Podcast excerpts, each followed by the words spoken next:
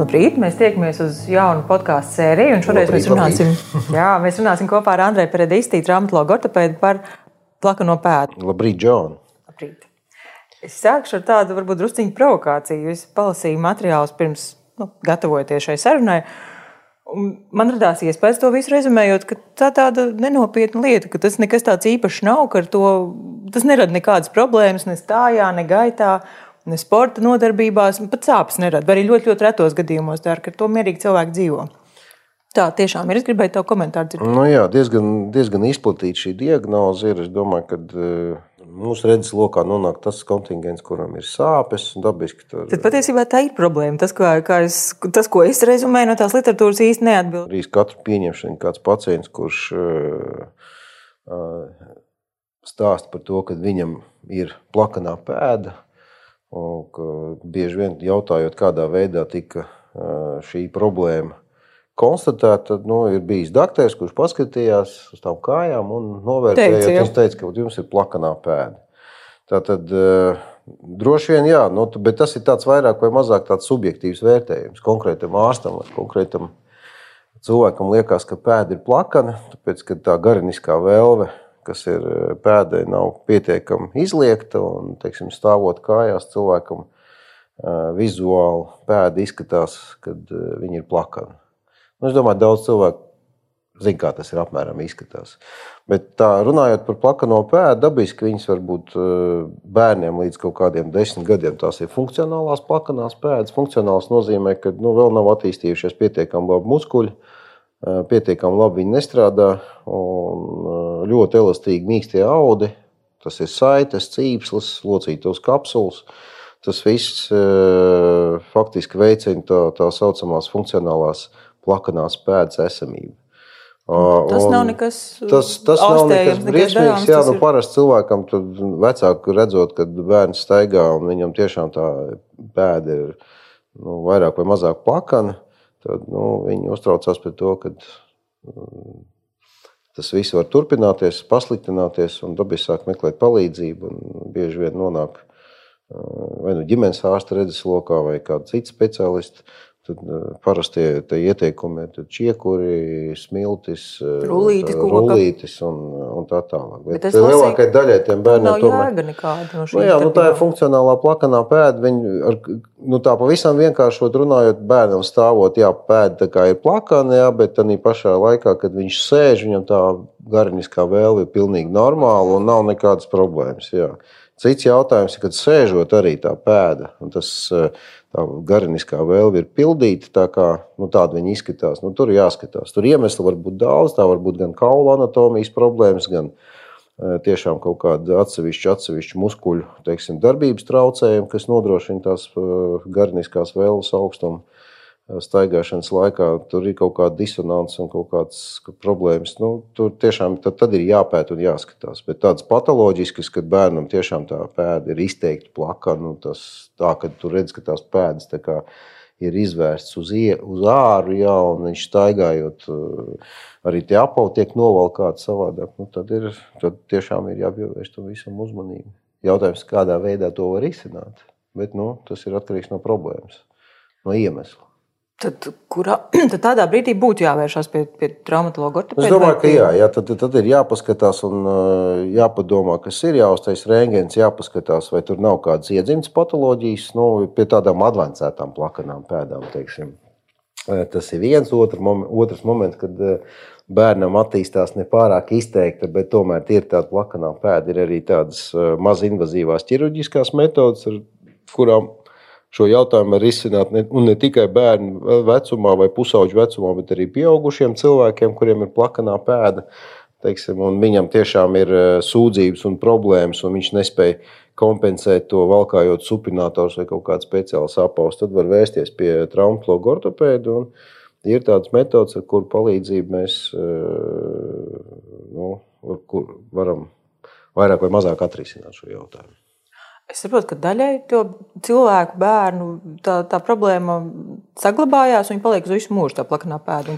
Ne, tā funkcionālā plakanā pēda tā pazuda ap 10, 11 gadiem, un es pats saviem bērniem to esmu novērojis. À, tad, tomēr tur, kur ir vairāk tās jā, patoloģijas, nu, tas saglabājās. Tā nav pat patoloģija, tas ir vienkārši tāds stāvoklis bērnam augot, nu tā ir. Visiem tā nav, bet vienai daļai ir. Bet tiem, ko paliek, nu jā, ir tā, ka tad, tad ir liels problēmas. Un, nu, nu, cik liels arī. Nu, daudz ar to plakano pēdu dzīvo. Kādreiz padomju laikos armijā neņēma, kam bija plakanā pēda. Jo bija jāvelk kā briesmīgie zābaki, jā, un droši vien viņi nebija spējīgi e, kaut kādā veidā arī normāli pārvietoties. Kaut gan es pats biju armijā, es atceros, ka tur bija daudz, es pats redzēju. Ar visām plakanām pēdām. Tā kā, bet tādas advancētas plakanās pēdas, internetā var paskatīties, ka cilvēkam tās pēdas tiešām tā kā uh, nu, tā uz āru stāv. Zin, tad, uh, tas tā.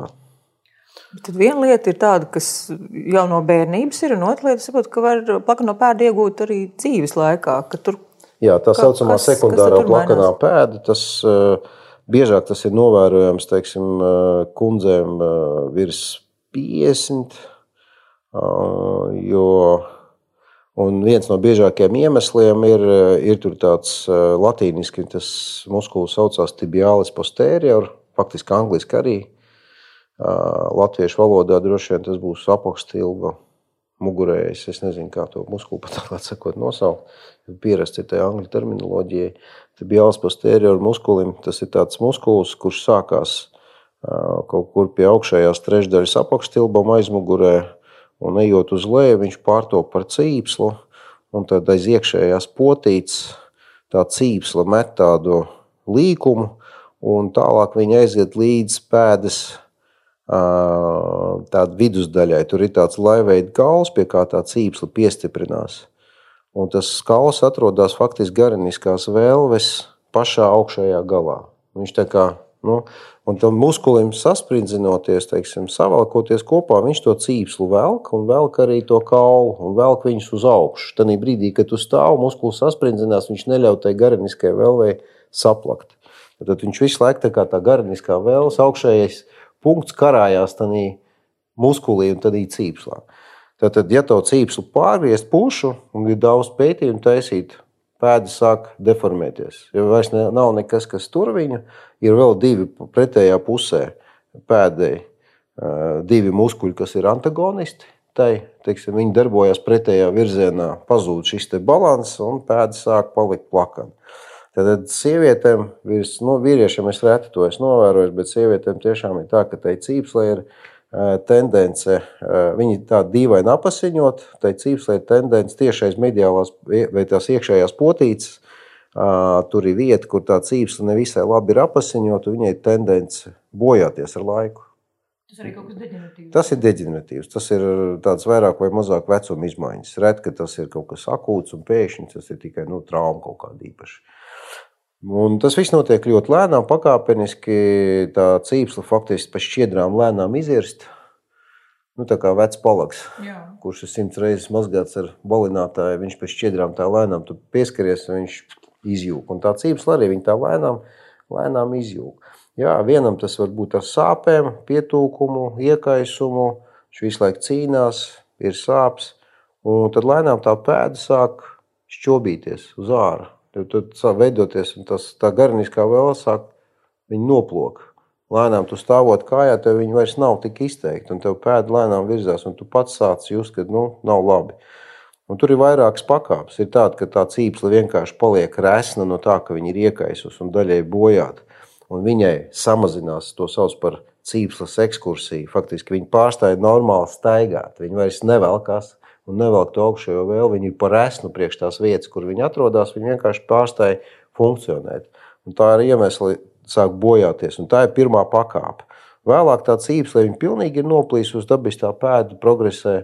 Un plakanā pēda progresē un paliek ar vien lielāku. Un, teiksim, mūsu redzes lokā bieži vien cilvēki nonāk tad, kad viņi jau vairs tā pēda stāv blakus. Viņa faktiski ir tik tālu deformējusies, ka tas apakš, tas eh, papēžkāls, kas ir ielikās, Un viņš vienkārši viss tā pēda un pēdas vidusdaļa viņa aizvelkās projām tik tālu, ka cilvēks balstās ejot uz mediālu, uz iekšējo potīti nevis.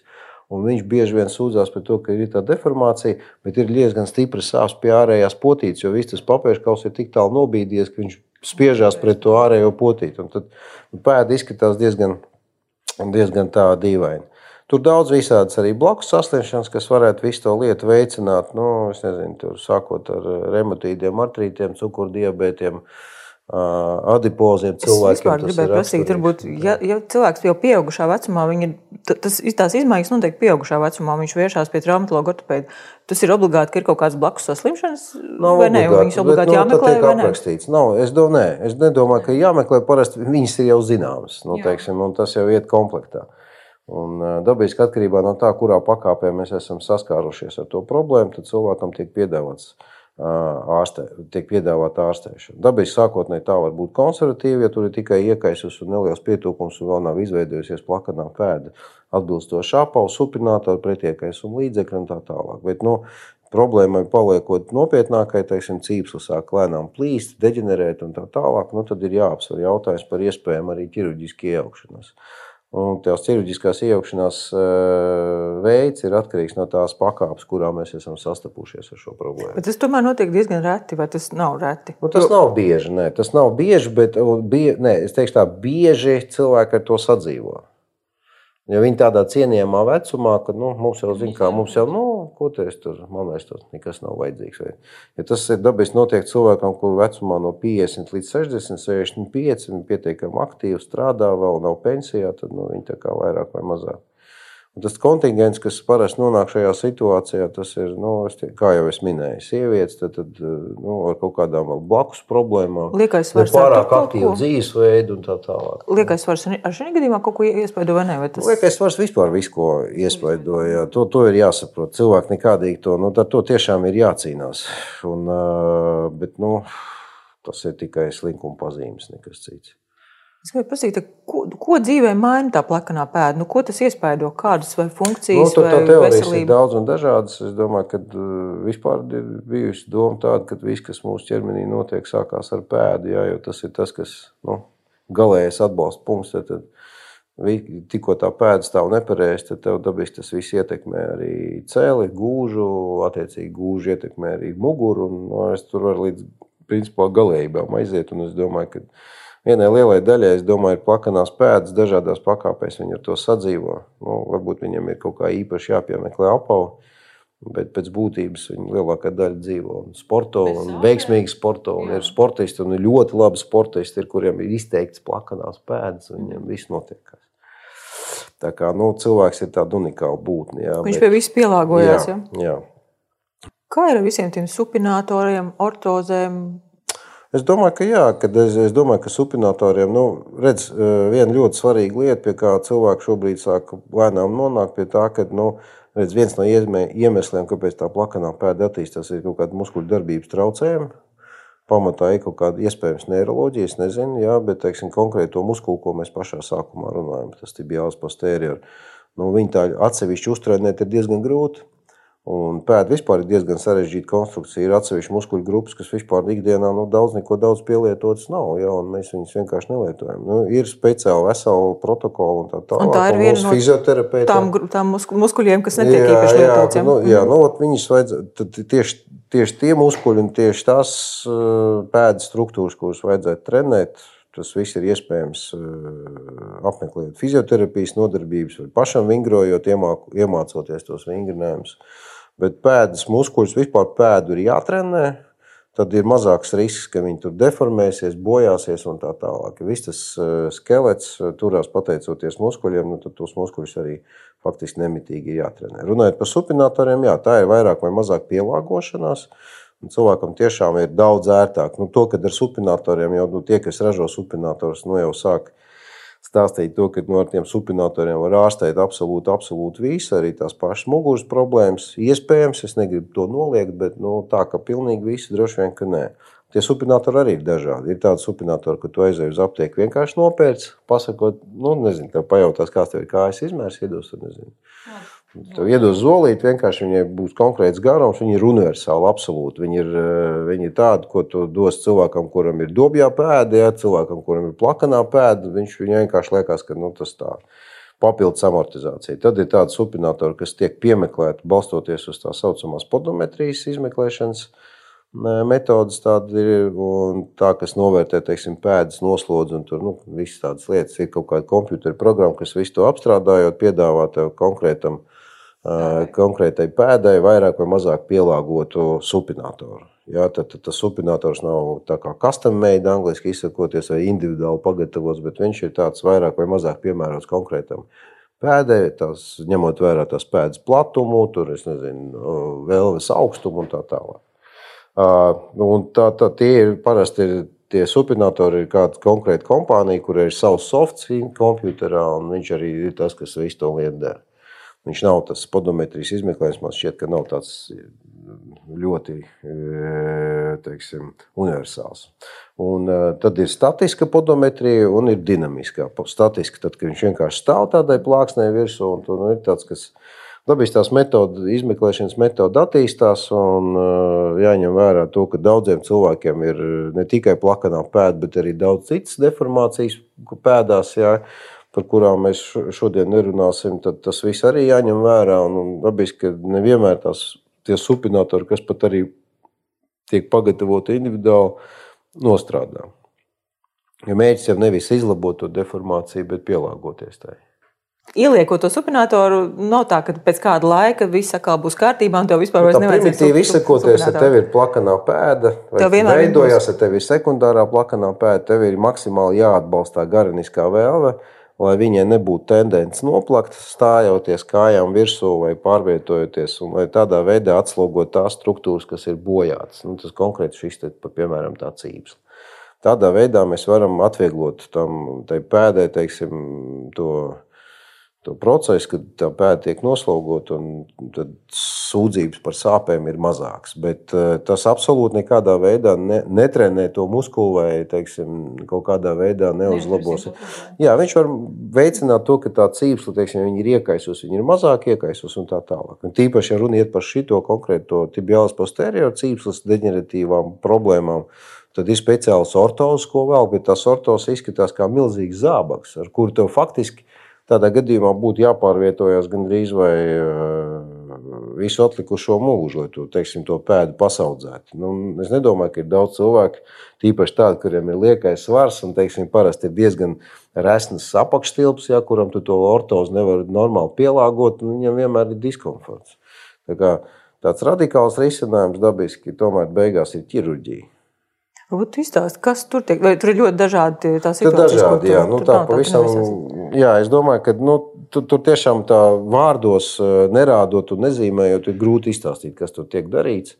Bet viens no tādiem eh, sākuma posmiem, kad tas viss ir tikai sācies un tā cīņa ir izmainīta, veid, izdara tās, ir tāds jēdziens kā nost, nostiprināšana, angļuiski to sauc par augmentāciju. augmentāciju tad, tad to cīpslu augmentē ar citu cīpslu, faktiski nostiprina ar citu cīpslu. Un, un kauliem ir tādas korģējušās osteotomijas, ar kuru palīdzību ir iespējams novērst to plakano pēdu, vienkārši izmainot kaula anatomiju. Un tad tas vienkārši ir no, nu, tas kā, jā, un tas atrisina to problēmu. Ja tur, teiksim, tā problēma ir tik advancēta, ka tas papēžu kauls jau ir tik tālu nobīdījies un uh, tur radikāli tur tā cīpsla, kas ir bijusi, vairs nav. Tad, nu, tad tā ir tā saucamā artrodēs, tur vairāk slocītos ir jānovietojot kaulus pareizā stāvoklī, viņš vienkārši saudzē kopā konkrēti eh, tādām ļoti avansētām problēmām, tad taisa tā saucamo triple artrodītu, tas ir trīskāršo artrodēzi, eh, saudzē kopā papēžu kaulu ar velteņu kaulu, velteņu kaulu ar uh, laiveidu kaulu un papēžu kaulu ar kubveidu kaulu, tā saucamo. Tad faktiski slēdz ciet trīs locītavas. Liels. Visu to praktiski pēdas pamatne, visi tad beigās ir viens liels kauls. Bet cilvēks joprojām ir kustīgs, tā pēda ir lieta. Pēdas locīta netiek aiztikta, tāpēc viņi, viņi darbojās. Nu, jā, nu, dabiski, ja tu to izdari cilvēkam, kurš skrien maratonu, nu, parasti tādu, starp viņiem tādu cilvēku nav, tad, tad dabiski tas viņam diezgan stipri ietekmēs viņa teiksim, fiziskās aktivitātes līmeni. Bet cilvēks, kurš ir korpulents, smags, viņam vienkārši ir grūti paiet, nu, viņš noteikti to novērtēs. Es varbūt pieminēju to sportistus un skrejējus. Viņiem ir obligāti jālieto, ja ir plakanā pēda, ir obligāti jālieto supinātoru, lai tas viss tur neprogresētu, neko tur nesaplēstu. Tā ir. Nu, domāju, vai, vai ne, ja nav nekādas sāpes, tad es domāju, ka skriet tāpat. Un, ja nav sāpes, tad nekas nav vajadzīgs. Vispār plakanā pēda tā ir iedzimta lieta. Tur ir kaut kāds iedzimtības faktors. Vai? Nu, droši vien, ka ir kaut kāds iedzimtības, bet tas neko daudz nemaina. Nu, teiksim, perspektīvā cilvēkiem, kas klausās mūsu un Jā. tagad eh, domā, man vecajam tēvam bija, vai tur tēvam bija, vai mātei plakanā pēna. Vai tas būs man vai nebūs. Nu, viņš paskatās uz savu pēdu, viss ir kārtībā, ja tālāk. Un dzīvo tālāk. Ko tas maina reāli? Bet varbūt arī tā, ka ir ne tik ļoti nopietni tur kaut kāda patoloģija, bet tā plakanā pēda ir un viņa arī saglabājās tam cilvēkam. Nu, bet loģiski. Tā, tas arī. Jā, es domāju, ka jā, vienai daļai viņa saglabājās. Droši vien kaut kā nu, tur, tur zin, izurpties cauri un saprast, kuram konkrētam cilvēkam, kurš bija, kāds bija iemesls. Bet nu, tur jāskatās, cik lielā mērā tas traucē dzīvot. Jā mēģināt visu izlabot ar ķirurģiju un nonākt teiksim, pretējā situācijā, ka tev zina, ar visu savu plakano pētu dzīvoja normāli un sportoja, un tad tev pēkšņi izlabo pēdu un saliek visu tā kā vietās, un tu vairs nevari paskriet. Tas Ot, lai tas tā nebūtu. Tas ir, tā, tāpēc ir ļoti svarīgi, lai tas speciālists, kas skatās, viņš tiešām izvērtē ne tikai to lokālo stāvokli, bet arī pacientu sūdzības, saprot, cik lielā mērā viņš ir aktīvs vai nav aktīvs, ja, ko viņš vispār ir darījis tās lietas labā. Es nesaku, ka nekad nav par vēlu, bet noteikti fizioterapija ir viens no risinājumiem. Fizioterapija ļauj arī tam ķermenim pielāgoties dažādām anomālijām. Nav jau tā, ka viss ir pilnīgi vienādi perfekti. Nu, vienam ir kāja īsāka, garāka, tur plakanā pēda, dažādi izmēri pēdām. Mēs jau to visu redzam. Ir briesmīgas deformācijas, ir briesmīgas iedzimtas problēmas tiešām kas ir kropļojoši, un cilvēks staigā visu mūžu mokās ar speciāliem apaviem. Arī viņi adoptējās. Bet nu, slimības ir daudz visādas tādas. Un tad, kad ir kaut kādas problēmas, sāpes vai, vai, vai, nezinu, vai ļoti traki tas viss izskatās, tad ir jāiet nu, pie traumatologa ortopēda vai pie tehniskā ortopēda. Nu, es domāju, ka pareizāk iet pie traumatologa ortopēda. Tehniskais ortopēds pirmkārt nav ārsts. Jā, jā. Tas viņš izpilda tikai to, ko viņam pasaka. Jā, viņš zina, kā to lietu izdarīt labi. Jā, ārstoties nezinu.